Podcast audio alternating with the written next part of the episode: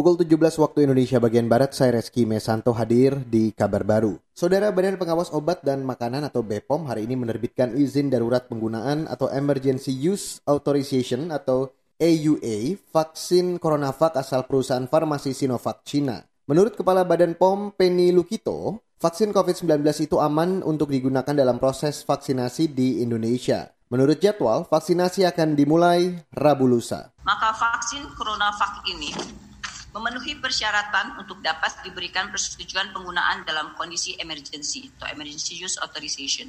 Oleh karena itu, pada hari ini, Senin, tanggal 11 Januari 2021, Badan POM memberikan persetujuan penggunaan dalam kondisi emergency, emergency authorization untuk vaksin COVID-19 yang pertama kali kepada vaksin CoronaVac produksi Sinovac Biotech Incorporated yang bekerja sama dengan PT Bio Farma. Kepala Badan POM Penny Lukito mengatakan pemberian izin darurat didasarkan atas terpenuhinya persyaratan dari segi keamanan serta kehalalan vaksin CoronaVac produksi Sinovac. Selain itu, persetujuan darurat juga mengacu kepada persyaratan panduan dari Organisasi Kesehatan Dunia atau WHO. Antara lain, memiliki efikasi minimal 50 persen, Vaksin CoronaVac yang diuji klinis di Indonesia memiliki efikasi 65 persen.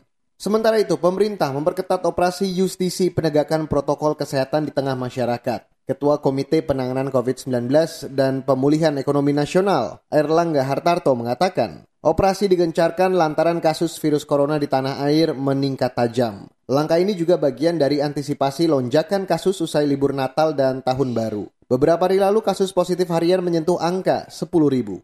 Nah tentu kita melihat bahwa kasus yang terkait dengan kenaikan ini, ini juga penting untuk diadakan kedisiplinan dari masyarakat dan pemerintah akan terus mendorong operasi justisi dan ini tentunya operasi justisi ini tidak akan berhasil kalau masyarakatnya tidak menjalankan protokol kesehatan.